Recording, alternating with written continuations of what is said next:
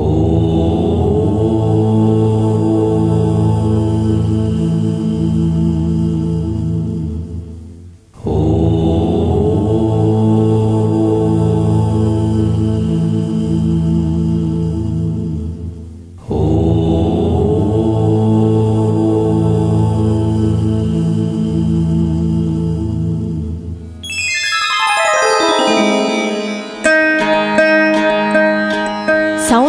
లహరి జగద్గురు శ్రీ ఆదిశంకరాచార్య భగవత్పాదులు వర్ణించి రచించిన సౌందర్య లహరి శ్లోక పఠనం. శక్తి స్వరూపిణి నాదస్వరూపిణి జగత్ సృష్టికారిణి అపార సౌందర్యరాశి అయిన ఆ జగన్మాత సౌందర్యమును ఎంత వర్ణించినా అతిశయోక్తి కాదు. ఆ జగజ్జనని కరుణా కటాక్ష వీక్షణాలు మణిమాణిక్యాల నిధుల కన్నా అష్టసిద్ధుల కన్నా మహోన్నతమైన పారమార్థిక బ్రహ్మానందాన్ని కలుగచేస్తాయి శ్రీ శంకరాచార్యులు దేవీ సౌందర్యాన్ని బాహ్య అంతర్ సౌందర్యాలుగా వర్ణిస్తూ శివశక్తుల రూపం అభేదమైనది మహిమాన్వితమైనది అని తెలియజెప్పారు. అటువంటి సౌందర్య లహరిలో ఓలలాడి భక్తి సాగరంలో ఆనంద లహరిలో తేలియాడి ఆ భగవతి దర్శన భాగ్యాన్ని పొంది తరిద్దాం ఆ జగద్రక్షకి సర్వదా మనను రక్షించుగాక శ్రీమాత్రే నమః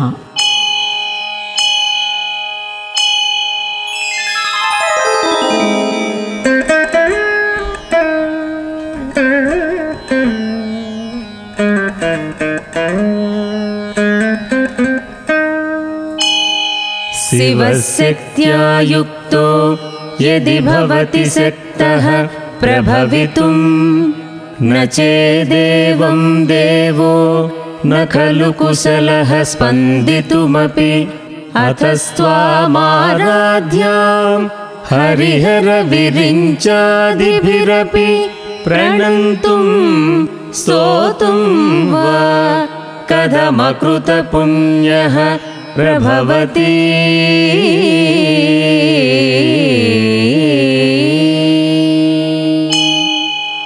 तनीयां सम्पांसुं तव चरणपङ्केरुहभवम्।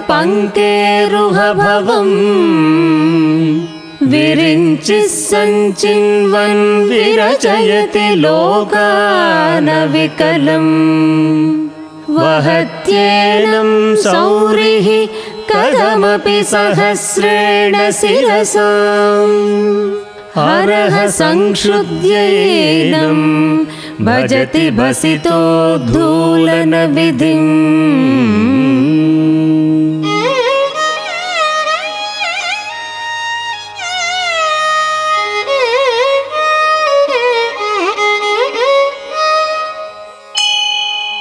अविद्यानाम् अन्तस्तिमिरमिहिरद्वीपनगरी। जडानां चैतन्यस्तबकमकरन्दश्रुतिझरी दरिद्राणां चिन्तामणिगुणनिका जन्मजलधौ निमग्नानां दंष्ट्रा मुररिपुवराहस्य भवति।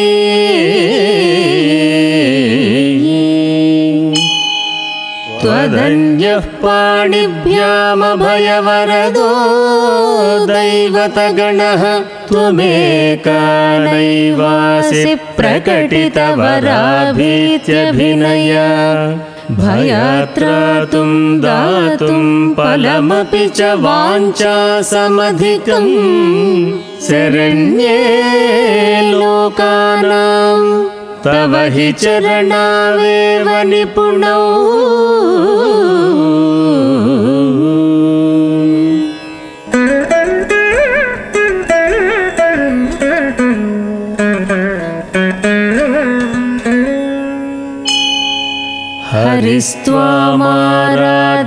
प्रणतजनसौभाग्यजननी पुराणारी भूत्वा पुररिपुमपि क्षोभमनयत् स्मरोऽपि त्वां नत्वा रतिनयन लेह्येन वपुषा मुनीनामप्यन्तः प्रभवति हि मोहाय महता। धनुः पौष्पं मौर्वी मधुकरमयी पञ्चविसिकाः। वसन्तः सामन्तो मलयमरुदायोदनरथः तथाप्येकः सर्वं हिमगिरिसुते कामपि कृपाम् अपाङ्गाते लब्ध्वा जगदिदमनङ्गो विजयते।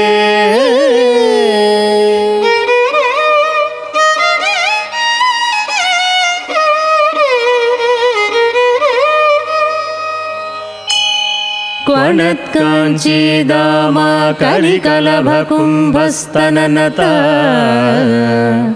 परीक्षीणा मध्ये परिणतसरश्चन्द्रवदना। धनुर्बाणान् पाशं शृणिमपि दधाना करतलैः पुरस्तादास्तां नः पुरमधितुराहो पुरुषिका सुधा सिन्धोर्मध्ये सुरविटपि वाटे परिवृते। मणिद्वीपे नीपोपवनवति चिन्तामणिगृहे शिवाकारे मञ्चे परमशिवपर्यङ्कनिलया भजन्ति त्वां धन्याः कतिचन चिदानन्दलहरी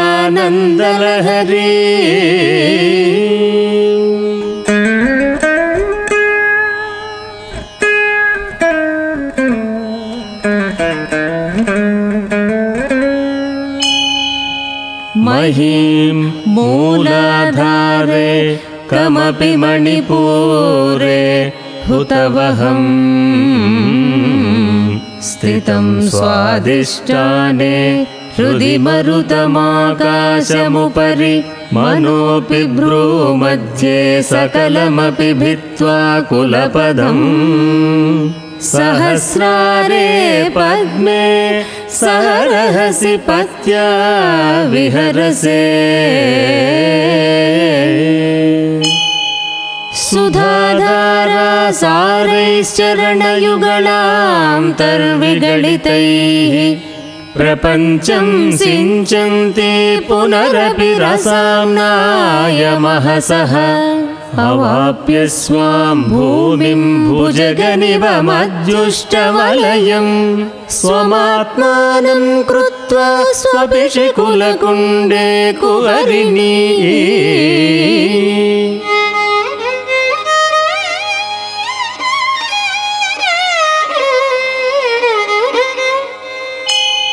चतुर्भिः श्रीकण्ठैः शिवयुवतिभिः पञ्चभिरपि प्रभिन्नाभिशम्भोर्नवभिरपि मूलप्रकृतिभिः चतुश्चत्वारिंशद्वसुदलकलाश्रत्रिवलय त्रिरेखाभिः सार्धं तव शरणकोणाः परिणताः त्वदीयं सौन्दर्यं तुहिनगिरिकन्ये तुलयितुम् कवीन्द्राः कल्पन्ते कथमपि विरुचि प्रभृतयः यदा लोकौत्सुक्यादमरललनायान्ति मनसा तपोभिर्दुष्प्रापामपि गिरिससायुज्य पदवी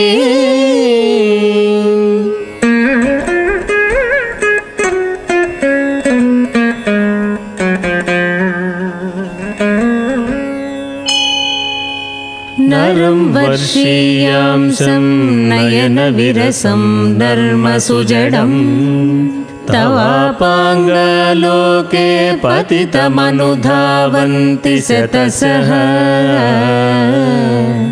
गलद्वेणीबन्धाः कुचकलसविस्रस्तसिचयाः हठात् त्रुट्यत्काञ्चो विगलितदुकूला युवतयः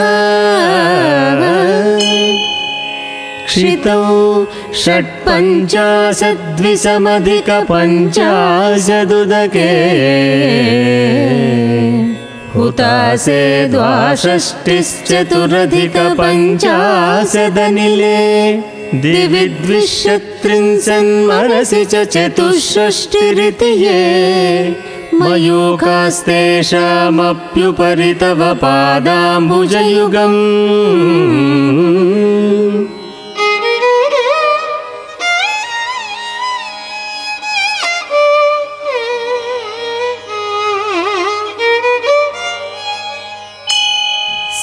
शरज्योत्स्ना सुत्वां शशियुतजटाजूटमकुटा वरत्रासत्राणस्फटिकघटिका पुस्तककराम्। सकृन्नत्वा नत्वा कदमिव सतां सन्निदधते मधुक्षीरद्राक्षा मधुरिमधुरीणाः पणितयः। कवीन्द्राणां चेतः कमलवनबालतपरुचिम्। भजन्ते ये सन्तः कतिचिदरुणामेव भवति विरिञ्चि प्रेयस्यास्तरुणतरशृङ्गारलहरी गभीराभिर्वाग्भिर्विदधति सदां रञ्जनममी।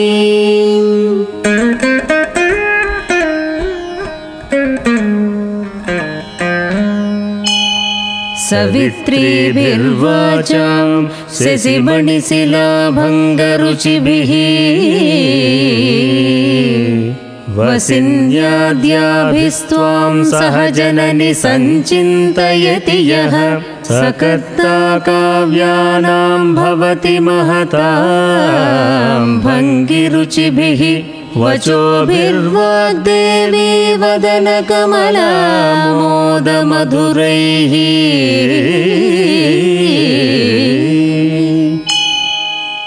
तनुच्चायाभिस्ते तरुणतरलिश्रीसरलिभिः दिवं सर्वामुर्वीमरुणिमनिमग्नां स्मरति यः भवन्त्यस्यत्रस्यद्वनहरिणशालीननयनाः सहोर्वस्यावस्याः कति कति न गीर्वाणगणिताः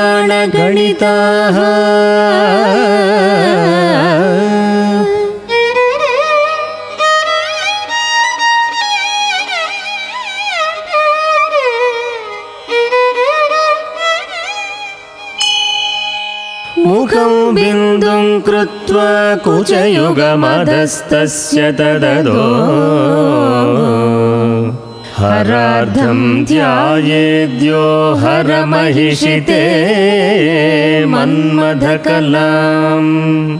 ससद्यः संक्षोभं नयति वनिता इत्यति लघु त्रिलोकीमप्यासु भ्रमयति रवीं दुस्तनयुगाम्।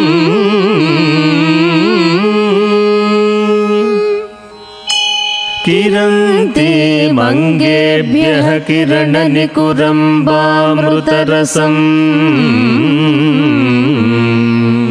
हृदि त्वामाधत्ते हिमकरशिलामूर्तिमिव यः ससर्पाणं दर्पं शमयति शकुन्ताधिप इव ज्वरप्लुष्टान् दृष्ट्या सुखयति सुधादाराशिरया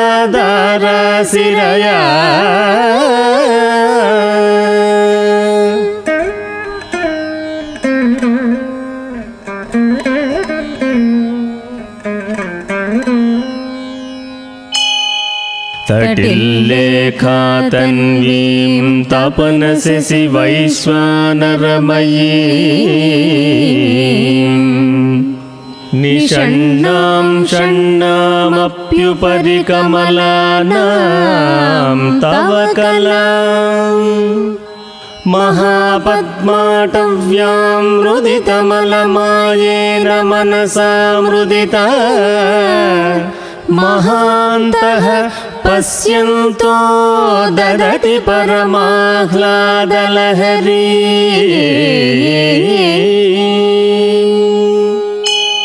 भवानि त्वं दासे मयि वितरदृष्टिं सकरुणा मिति स्तोतुं वाञ्छन् कथयति भवानि त्वमिति यः। तदैव त्वं तस्मै दिशसि निजसायुज्यपदवीम् मुकुन्द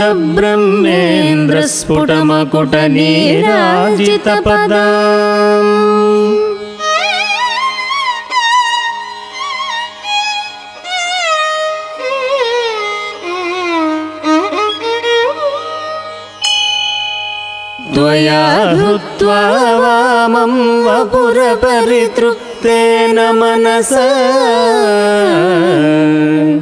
शरीरार्थं शम्भोरपरमपि शङ्के हृतमभूत् यदौ तत्त्वद्रूपम्।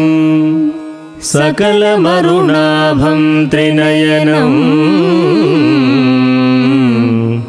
कुचाभ्यामानम्रं कुटिलसि चूडालमकुटम्। जगत्सूते धाता हरिरवति रुद्रं क्षपयते। तिरस्कुर्वन्नेतत्स्वमपि वपुरीशस्थिरयति सदा पूर्वः सर्वं तदिदमनुगृह्णाति च शिवः। तवाज्ञामालम्ब्यक्षणचलितयोर्भ्रूलतिकयोः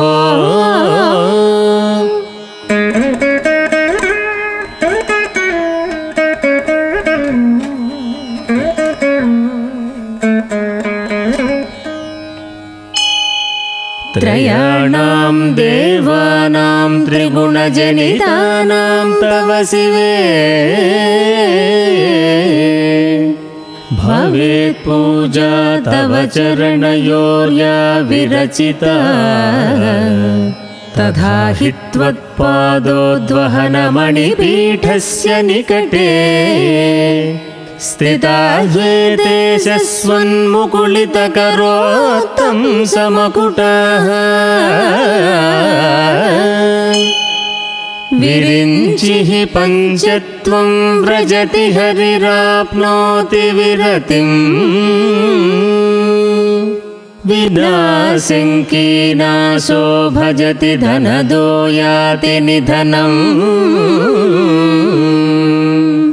वितन्द्री माहेन्द्री विततिरपि सम्मेलितदृशा महासंहारेऽस्मिन् विहरति सति त्वत्पतिरसौ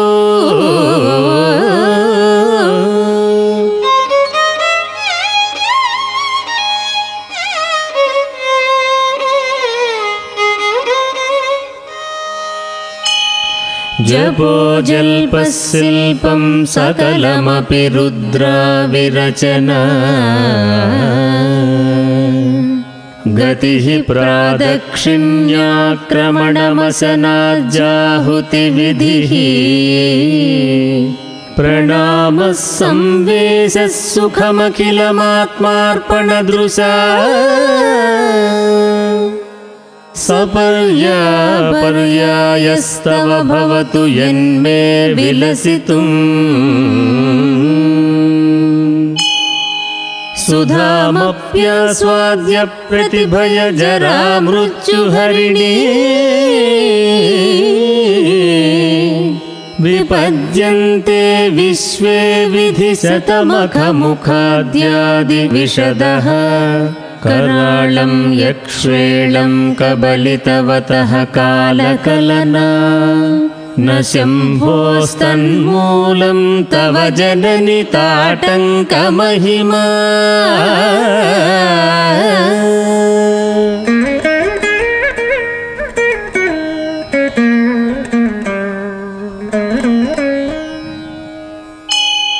किरीटं वैरिञ्चं हरिहरपुरः कैटभविदः। कठोरे कोटीरे स्थलसि जहि जम्भारि मकुटम्। प्रणम्रे श्वेतेषु प्रसभमुपयातस्य भवनौ भवस्याभ्युत्थाने तव परिजनोक्तिर्विजयते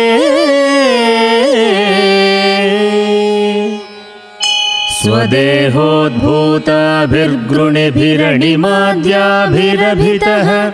निषेव्ये नित्ये त्वामहमिति सदा भावयति यः। किमाश्चर्यं तस्य त्रिनयनसमृद्धिं तृणयतः। महासंवर्ताग्निर्विरचयति नीराजनविधिम्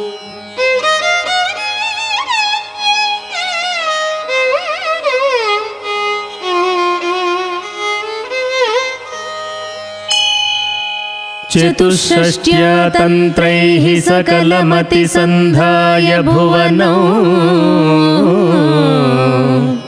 स्थितस्तत्तत्सिद्धिप्रसवपरतन्त्रैः पशुपतिः पुनस्त्वन्निर्बन्धादखिलपुरुषार्थैकघटना स्वतन्त्रं ते तन्त्रं क्षितितलमवातेतरमिदौ शिवशक्तिः कामः क्षितिरधरविस्सीतकिरणः। स्मरोऽहंसस्य च परामारहरयः। अमिहृल्लेख्याभिस्तिसृभिरवसानेषु घटिताः। भजन्ते वर्णास्ते तव जननि नामावयवताम्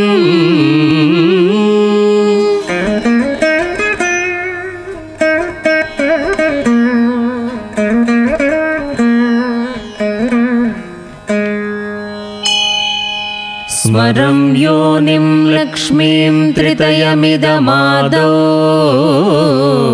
तव मनोः। निधायैके नित्ये निरवधि महाभोगरसिकाः। भजन्ति त्वां चिन्तामणिगुणनिबद्धाक्षवलयाः शिवाज्ञा जुह्वन्तः सुरभिघृतदाराहुतिशतैः शरीरं त्वं शम्भोऽस्य मिहिरवक्षोरुहयुगम् तवात्मानं मन्ये भगवति नवात्मानमनघम् अतः शेषशेषी त्वयमुभयसाधारणतया स्थितः सम्बन्धो वां समरसपरानादपरयोः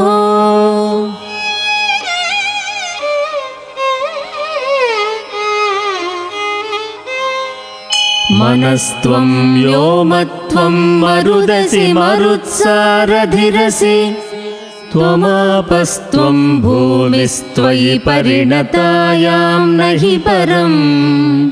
त्वमेव स्वात्मानं परिणमयितुं विश्ववपुष। चिदानन्दाकारं शिवयुवतिभावेन बिभृशे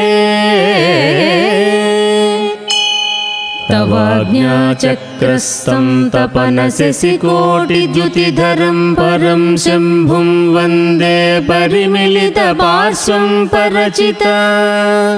यमाराध्यन् भक्त्या रविशसि शुचीनाम विषये निरालोके लोके निवसति हि भूलोकभुवने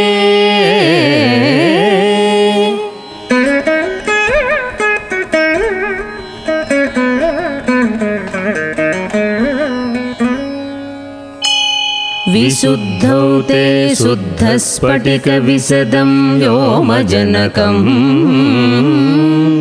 शिवं सेवे देवेमपि शिवसमानव्यवसिताम्। ययोः कान्त्यायान्त्यास्य किरणसारूप्यसरणेः विधूतान्तर्ध्वान्ता विलसति चकोरीव जगति। समुन्मलत्संवित्कमलमकरन्दैतरसिकम् भजेऽहं सद्वन्द्वं किमपि महतां मानसचरम् यदालापादष्टादशगुणितविद्यापरिणतिः यदा दत्ते दोषाद्गुणमखिलमद्भ्यः पय इव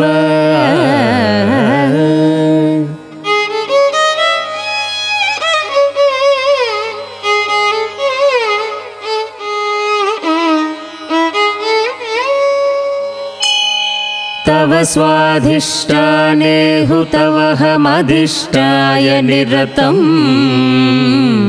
तमीडे संवर्तं जननि महतीं ताञ्च समयाम् यदा लोके लोकान् दहति महति क्रोधकलिते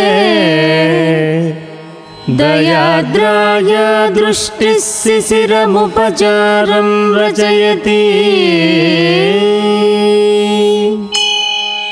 तटित्वन्तं शक्त्यातिमिरपरिपन्धि स्फुरणय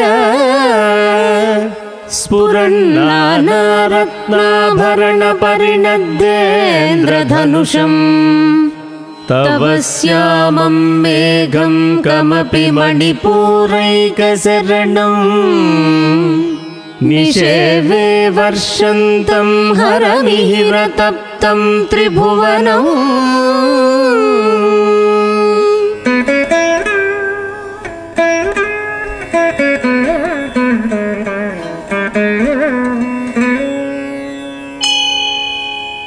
तवाधारे मूले सह समययालास्य परया नवात्मानं मन्ये नवरसमहाताण्डवनटम् उभाभ्यामेताभ्यामुदय विधिमुद्दिश्य दयया सनादाभ्यां यज्ञे जनकजननी मज्जगदिदम्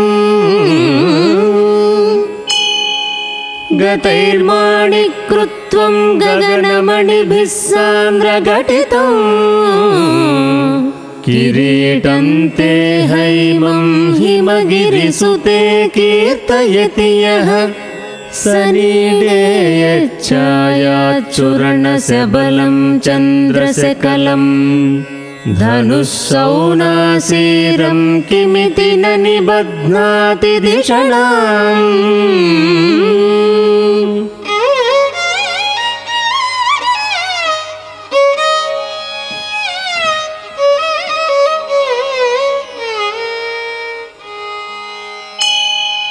धुनोतु ध्वान्तम् वस्तुलितदलितेन्दीवरवनम् घनं स्निग्धं स्लीक्ष्णं चिकुरनिकुरम्बं तव शिवे। यदीयं सौरभ्यं सहजमुपलब्धुं सुमनसो। वसन्त्यस्मिन् मन्ये वलमधनवाटी विटपिनाम् तनोतु क्षेमं नस्तव वदन सौन्दर्यलहरी। परीवाहस्रोतः सरणिरिव सीमन्तसरणिः वहन्ती सिन्धूरं प्रबलकवरी भारतिमिर। द्विषां बृन्दैर्बन्धीकृतमिव नवीनार्ककिरणौ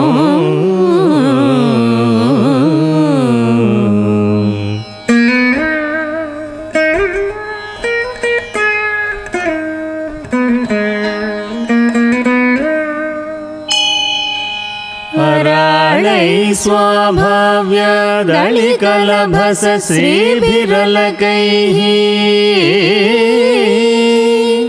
परितन्ते वक्त्रं परिहसति पङ्केरुहरुचिम् दरस्मेरे यस्मिन् दशनरुचि किञ्जल्करुचिरे सुगन्धे माद्यन्ति स्मरदहनचक्षुर्मधुलिहः। ललाटं लावण्यद्युतिविमलमाभाति तव यद्वितीयम् तन्मन्ये मकुटघटितं चन्द्रसकलम् विपर्यासन्न्यासादुभयमपि सम्भूय च मिदः सुधालेपस्यूतिः परिणमतिराकाहि मकरः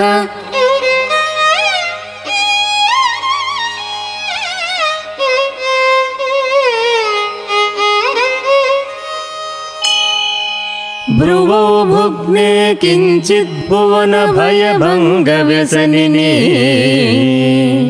त्वदीये नेत्राभ्यां मधुकररुचिभ्यां द्रुतगुणौ धनुर्मन्ये सव्येतरकरगृहे तं रतिपतेः प्रकोष्ठे मुष्टौ च स्थगयति निगूढान्तरमुमे अहसूते सव्यं तव नयनमर्कात्मकतया। त्रिया मां वामन्ते सृजति रजनीनायकतया तृतीया ते दृष्टिर्दरदलितहेमाम्बुचरुचिः समाधत्ते सन्ध्यां दिवसनिसयोरन्तरचरी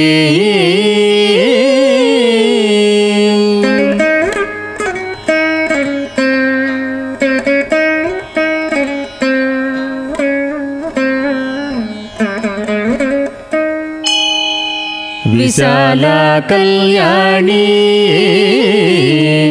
स्फुटरुचिरयोज्जाकुवलयैः कृपाधारा किमपि मधुरा भोगवतिका अवन्ती सृष्टिस्ते बहुनगरविस्तारविजय ध्रुवं तत्तन्नाम व्यवहरणयोग्या विजयते कवीनां सन्दर्भस्तवकमकरन्दैकरसिकम् कटाक्षव्याक्षेपभ्रमरकलभौ कर्णयुगलम् अमुञ्चन्तौ दृष्ट्या तव नवरसास्वादतरल वसूय संसर्गादलितनयनं किञ्चिदरुणम्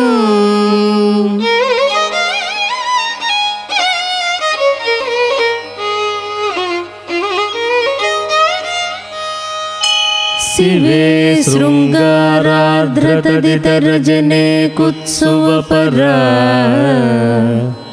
सरोषा गङ्गायां गिरिसचरिते विस्मयवती।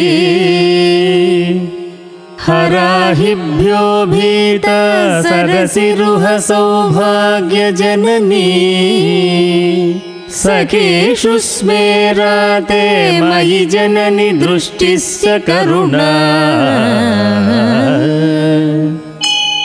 गते कर्णाभ्यर्नं गरुदैव पक्ष्माणि दधति।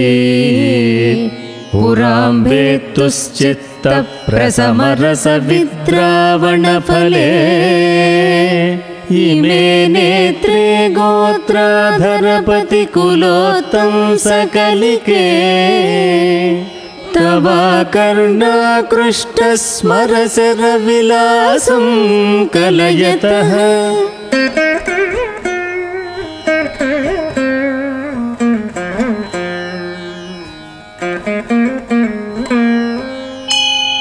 विभक् विभक्तत्रैवर्ण्यं व्यतिकरितलीलाञ्जनतया विभाति त्वन्नेत्रत्रयं त्रितयमिदमीशानदयते पुनः स्रष्टुं देवान् द्रुहिणहरिरुद्रानुपरतान् रजः सत्त्वं बिभ्रत्तमयिति गुणानां त्रयमिव पवित्रीकर्तुं नः पशुपतिपराधीनहृदये। दयामित्रैनेत्रैररुणधवलस्यामरुचिभिः। नदस्सोणिगङ्गातपनतनयेति ध्रुवमयम्। त्रयाणां तीर्थानामुपनयसि सम्भेदमनघम्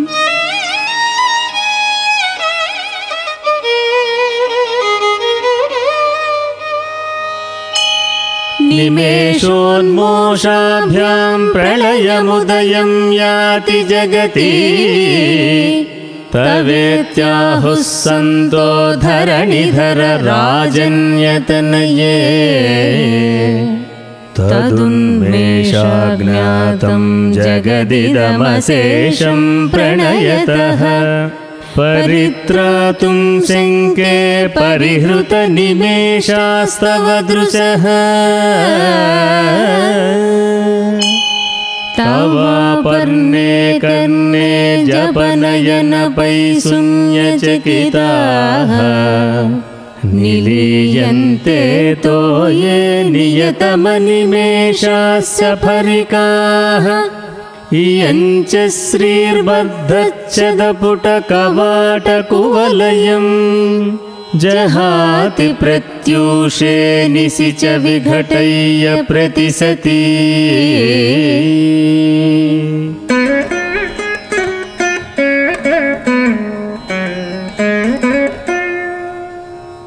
दृशाद्राघीयस्य दरदलितनीलोत्पलरुच दवीयां सन्दीनं स्नपय कृपया मामपि शिवे।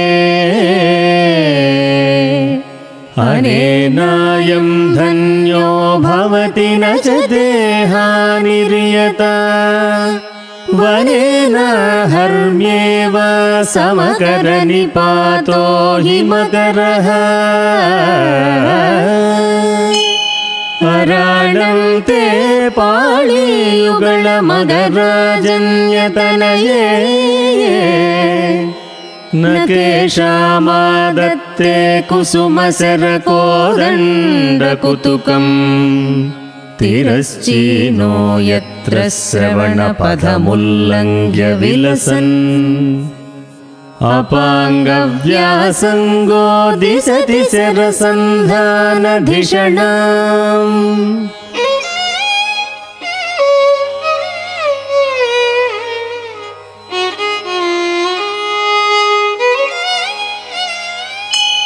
स्फुरद्गण्डभोगप्रतिफलितताटङ्कयुगलम् चतुश्चक्रं मन्ये तव मुखमिदं मन्मथरथम्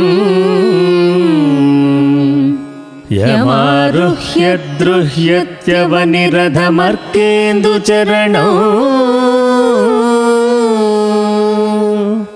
महावीरो मारः प्रमथपतये सज्जितवते।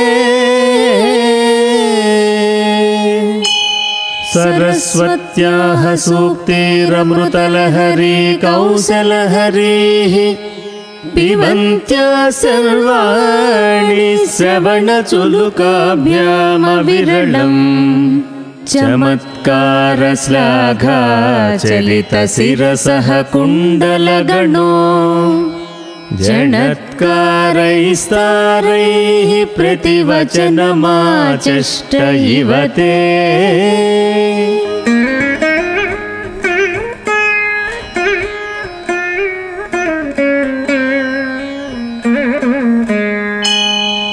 असौ नाशावंशस्तु हि न गिरिवंशध्वजपटी त्वदीयो नेदीयः फलतु फलमस्माकमुचितम्। वहत्यं तर्मुक्ता शिशिरकरनिःश्वासगलितम्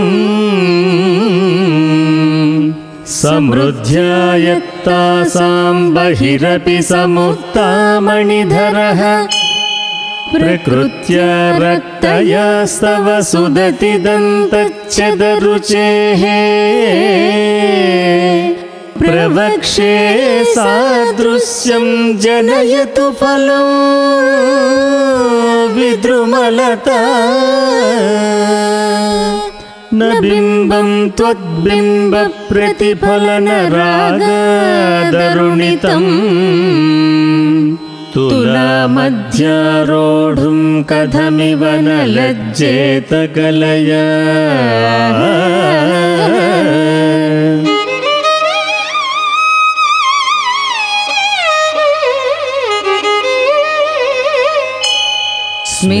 ज्योत्स्नाजालं तव वदनचन्द्रस्य पिबता। चकोराणामासीदतिरसतया चञ्चुजडिमा।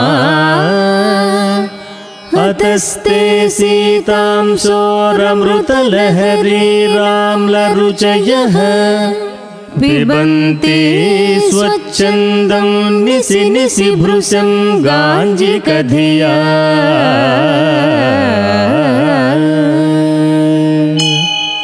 अविश्रान्तं प्रत्युर्गुणगणकथाम्रेडन जपा जपा पुष्पच्छाया तव जननि जिह्वजयति सा यदग्रासीनायाः स्फटिकदृशदच्छच्छ विमयी सरस्वत्या मूर्तिः परिणमति माणिक्यवपुषा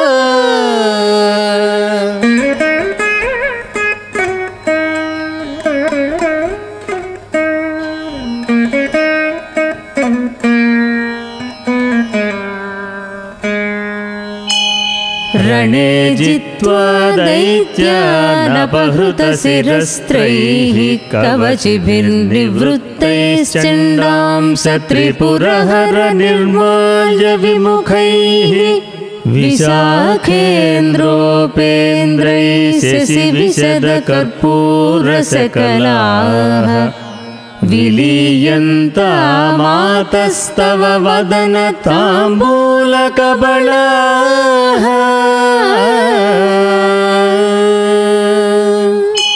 विपञ्चा गायन्ती विविधमपदानं पशुपते। स्वयारब्धे वक्तुं चलितशिरसा साधुवचने तदीयै माधुर्यैरपलपिततन्त्रीकलरवाम् निजां वीणां वाणी निचुलयति चोळेन निभृतम्।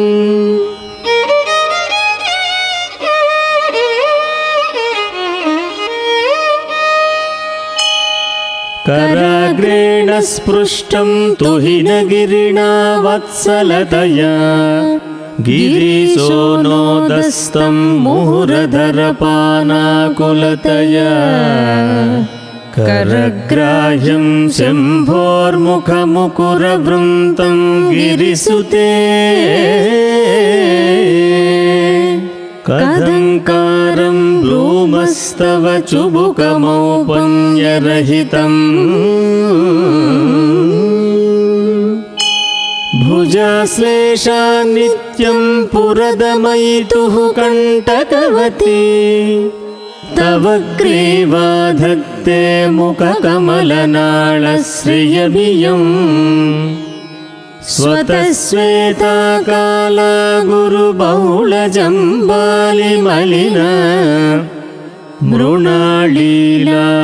मृणालीलालित्यं वहति यदधोहारलतिका।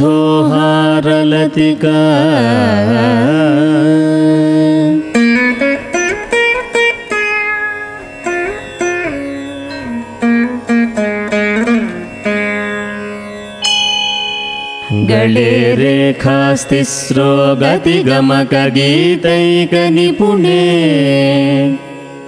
विवाहव्यानद्धप्रगुणगुणसङ्ख्या प्रतिभुवः।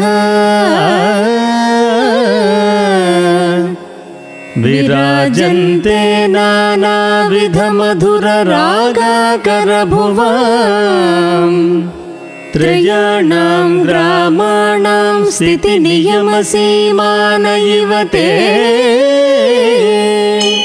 ऋणाळी मृद्वीनां तव भुजलतानां चतुसृणाम् चतुर्थि सौन्दर्यं सरसिजभवस्तौति वदनैः नखेभ्यः सन्त्रस्यन् प्रथममनादन्धकरिपोश्चतुर्णां शीर्षाणां सममभयहस्तार्पणदिया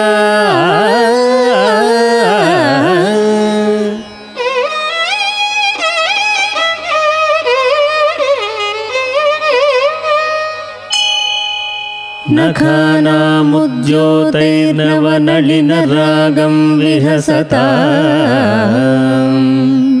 कराणान्ते कान्तिं कथय कथयामः कथमुमे। कयाचिद्वा साम्यं भजतु कलया हन्तकमलम् यदि क्रीडल्लक्ष्मी चरणतललाक्षारसचणम् समं देवी स्कन्दद्विपवदनपीतहस्तनयुगौ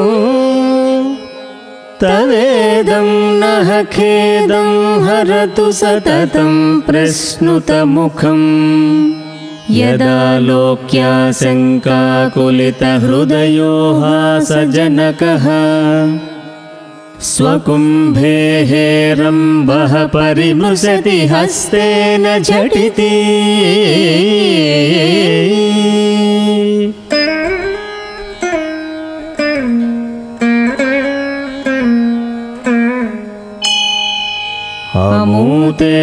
वक्षोजावमृतरसमाणिक्यकुतुपौ न सन्देहस्पन्दो नगपतिपताके मनसि नः। पिबन्तौ तौ यस्मादविदितवधू सङ्गरसिका कुमारावद्यापि द्विरवदनक्रौञ्चदळनौ वहत्यम्बसम्बेरमदनुजकुम्भप्रकृतिभिः समारब्धां मुक्तां मणिभिरमलां हारलतिकाम्। कुचा भोगो बिम्बाधररुचिभिदन्तश्च बलताम् प्रतापव्यामिश्रां पुरदमयितुः कीर्तिमिव ते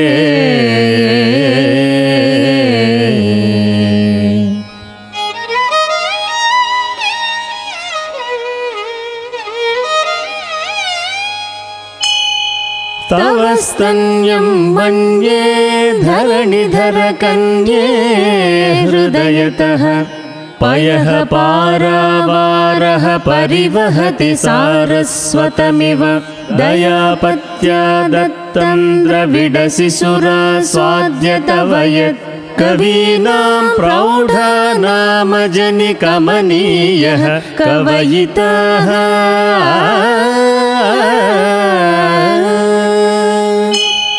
हरक्रोधज्वालावलिभिरवलीढेन वपुषा गभीरे तेनाभिसरसि कृतसङ्गो मनसि जः।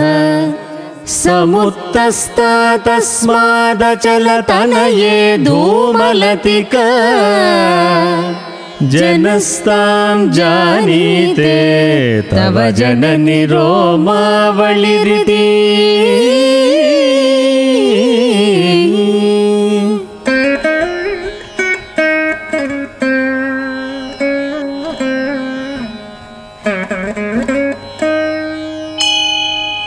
यदेतत्कालिन्दी तनुतरतरङ्गा कृतिशिवे। कृसे मध्ये किञ्चिज्जननि तव यद्भाति सुधियाम्। विमर्दादन्योन्यं कुचकलसयोरन्तर्गतम् तनुभूतं व्योमप्रविशदि वनाभिं कुहरिणी। स्थिरो गङ्गावत्तः स्तनमुकुलरोमावलिलता।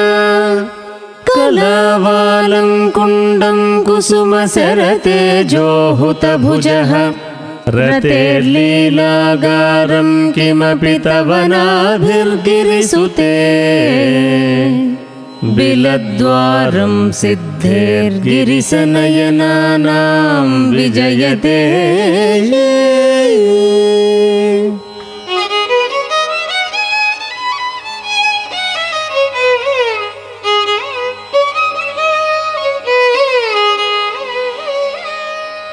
निसर्गक्षीणस्य स्तनतटभरेण क्लमजुषो।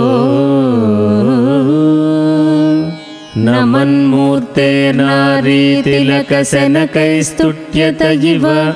चिरन्ते मध्यस्य त्रुटिततटिनीतीरतरुणा समावस्थास्तें नो भवतु कुशलम्। शैलतनये।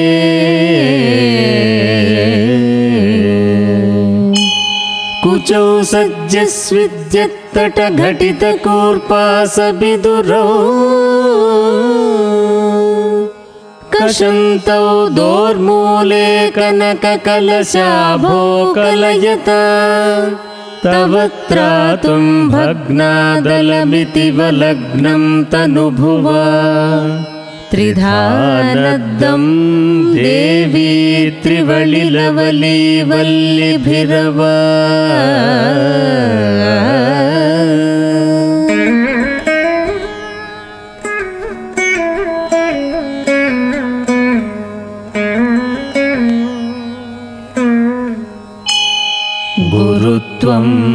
विस्तारं क्षितिधरपतिः पार्वति निजात् नितम्बादाचिद्यत्वयि हरणरूपेण निदधौ।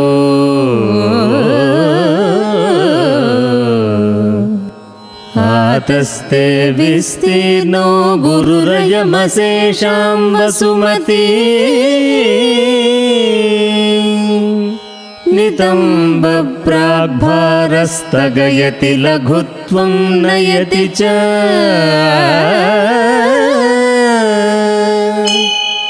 करीन्द्राणां सुण्डान् कनककदलीकाण्डपटली उभाभ्यामोरुभ्यामुभयमपि निर्जित्य भवति सुवृत्ताभ्यां पत्युः प्रणति कठिनाभ्यां गिरिसुते। विधिघ्ने जानुभ्यां विबुधकरि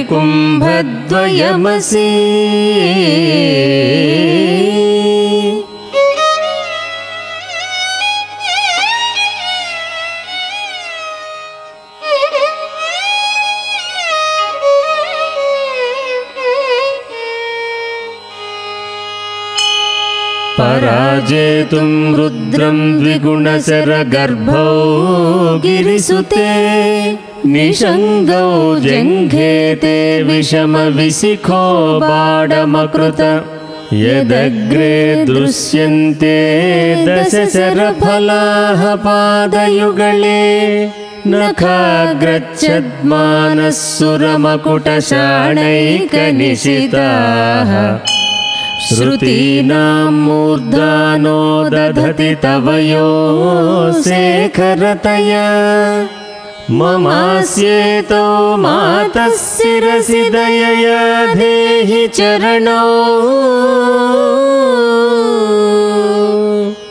ययोः पाद्यं पादः पशुपतिजटाजूटतटिनी ययोर्लाक्षा लक्ष्मीररुणहरिचूडामणिरुचिः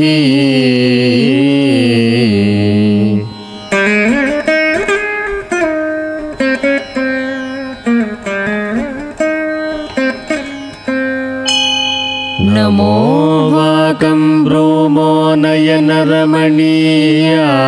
पदयो तवास्मै द्वन्द्वाय स्फुटरुचिरसालक्तकवते। असूयत्यत्यन्तं यदभिहननाय स्पृहयते। वसूनाम् ईशानः प्रमदवनकङ्केलितरवे।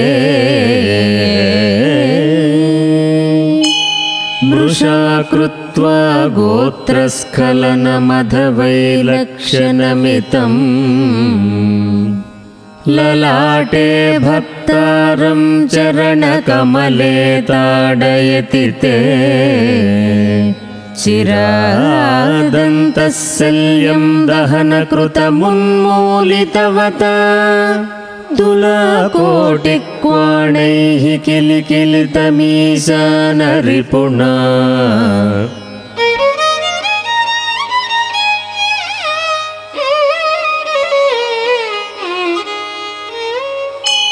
हिमानी हन्तव्यं हिमगिरिनिवासैकचतुरौ। निशायारिनिद्राणां निशिचरमभागे च विशदौ परं लक्ष्मीपात्रं श्रियमतिसृजन्तौ समयेनारि सरोजं त्वत्पादौ जननि जयतश्चित्रमिहतिम्। पदन्ते कीर्तीनां प्रपदमपदं देवि विपदाम्। कथं नीतं सद्भिः कठिनकमठीकर्परतुला कथं वा पाणिभ्यामुपयमनकाले पुरभिदा? यदा दायन्यस्तं दृशदि दयामानेन मनसा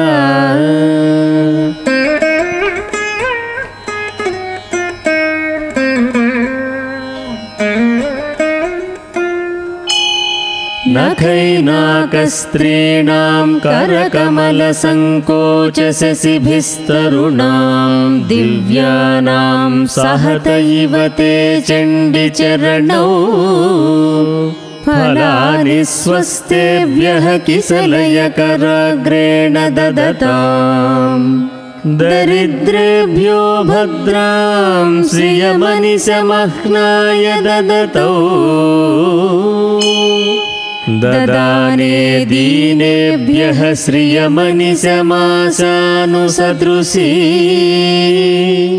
ममन्दं सौन्दर्यप्रकरमकरन्दं विकिरति। तवास्मिन् मन्दारस्तबकसुभगे यातु चरणे। निमज्जन्मज्जीवः करणचरणै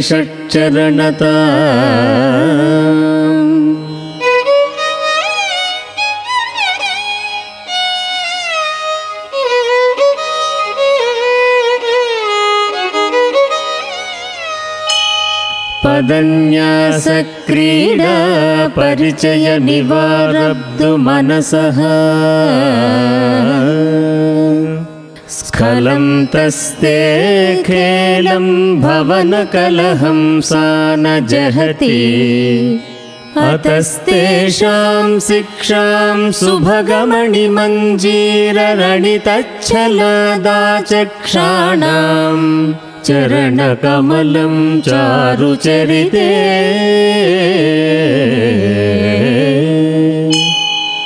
गतास्ते मञ्च त्वं द्रुहिणहरिरुद्रेश्वरभृतः।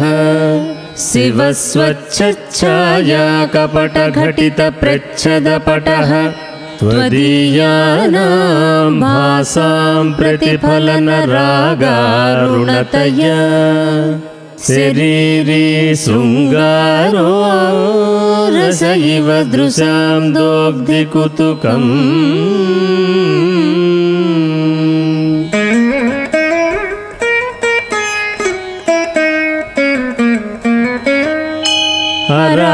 अरालाकेशेषु प्रकृतिसरला मन्दहसिते शिरीशाभाचित्ते दृशदुपलशोभा कुचतटे। भृशं तन्वी मध्ये पृथुरुरसिजारोहविषये जगत्त्रातुं शम्भोर्जयति करुणा काचिदरुणा। कलङ्कः कस्तूरी रजनिकरबिम्बं जलमयम् कलाभिः कर्पूरैर्मरकतकरण्डं निबिडितम् अतस्त्वद्भोगेन प्रतिदिनमिदं रिक्तकुहरम् विधिर्भूयो भूयो निबिडयति सूनन्तव कृते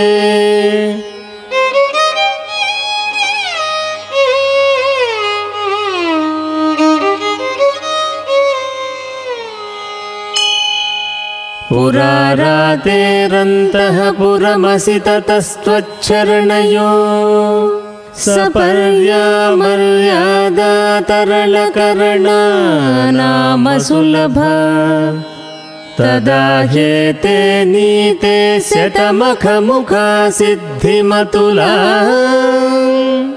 तव द्वारोपान्तस्थितिभिरणिमाध्याभिरमराः कळत्रं वैधात्रं कति कति भजन्ते न कवयः। श्रियो देव्याः को वा न भवति पतिः कैरपि धनैः। महादेवं हित्वा तव सति सती नाम चरणे।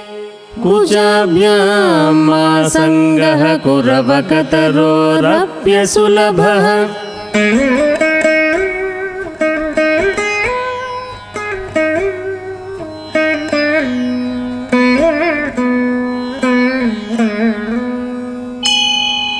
गिरामाहृद्देवीं द्रुहिण गृहिणीमागमविदो हरेः पत्नीं पद्मां हरसहचरीमद्रितनयां तुरीया कापि त्वं दुरधिगमनिस्सीममहिमा महामाया विश्वं भ्रमयसि परब्रह्म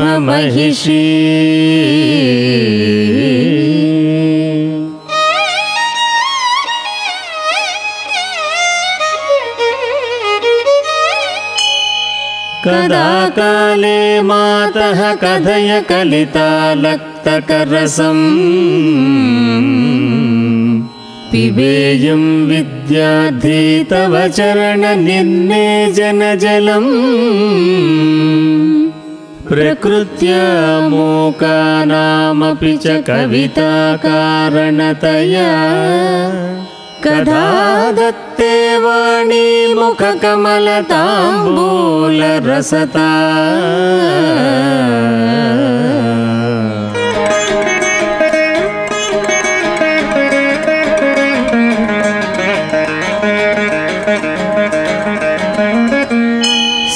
सरस्वत्या लक्ष्म्या विधिहरि सपत्नो विहरते।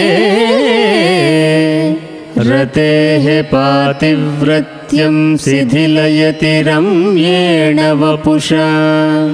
चिरञ्जीवन्नेव क्षपितपशुपाशव्यतिकरः परानन्दाभिक्यं रसयति रसं त्वद्भजनवान् प्रदीपज्वालाभिर्दिवसकरनीराजनविधिः सुधासूतेश्चन्द्रोपलजललवैरघ्यरचना। स्वकीयैरम्भोभिः सलिलनिधिसाहित्यकरणम्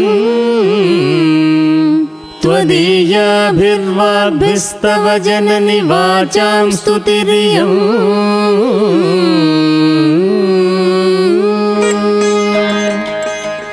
భగవత్పాద శ్రీ శంకరాచార్యులు దేవీ సౌందర్యలహరిలో ఓలలాడి మనలనందరినీ ఓలలాడించి పరబ్రహ్మానందాన్ని పొందే సాలోక్య ముక్తిని కలిగించాలని ఆ జగన్మాతను కోరుకుందాము.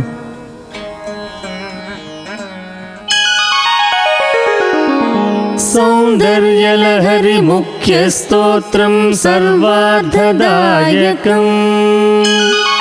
श्रीभगवत्पादसङ्क्लुप्तं पठेन्मुक्तो भवेन्नरः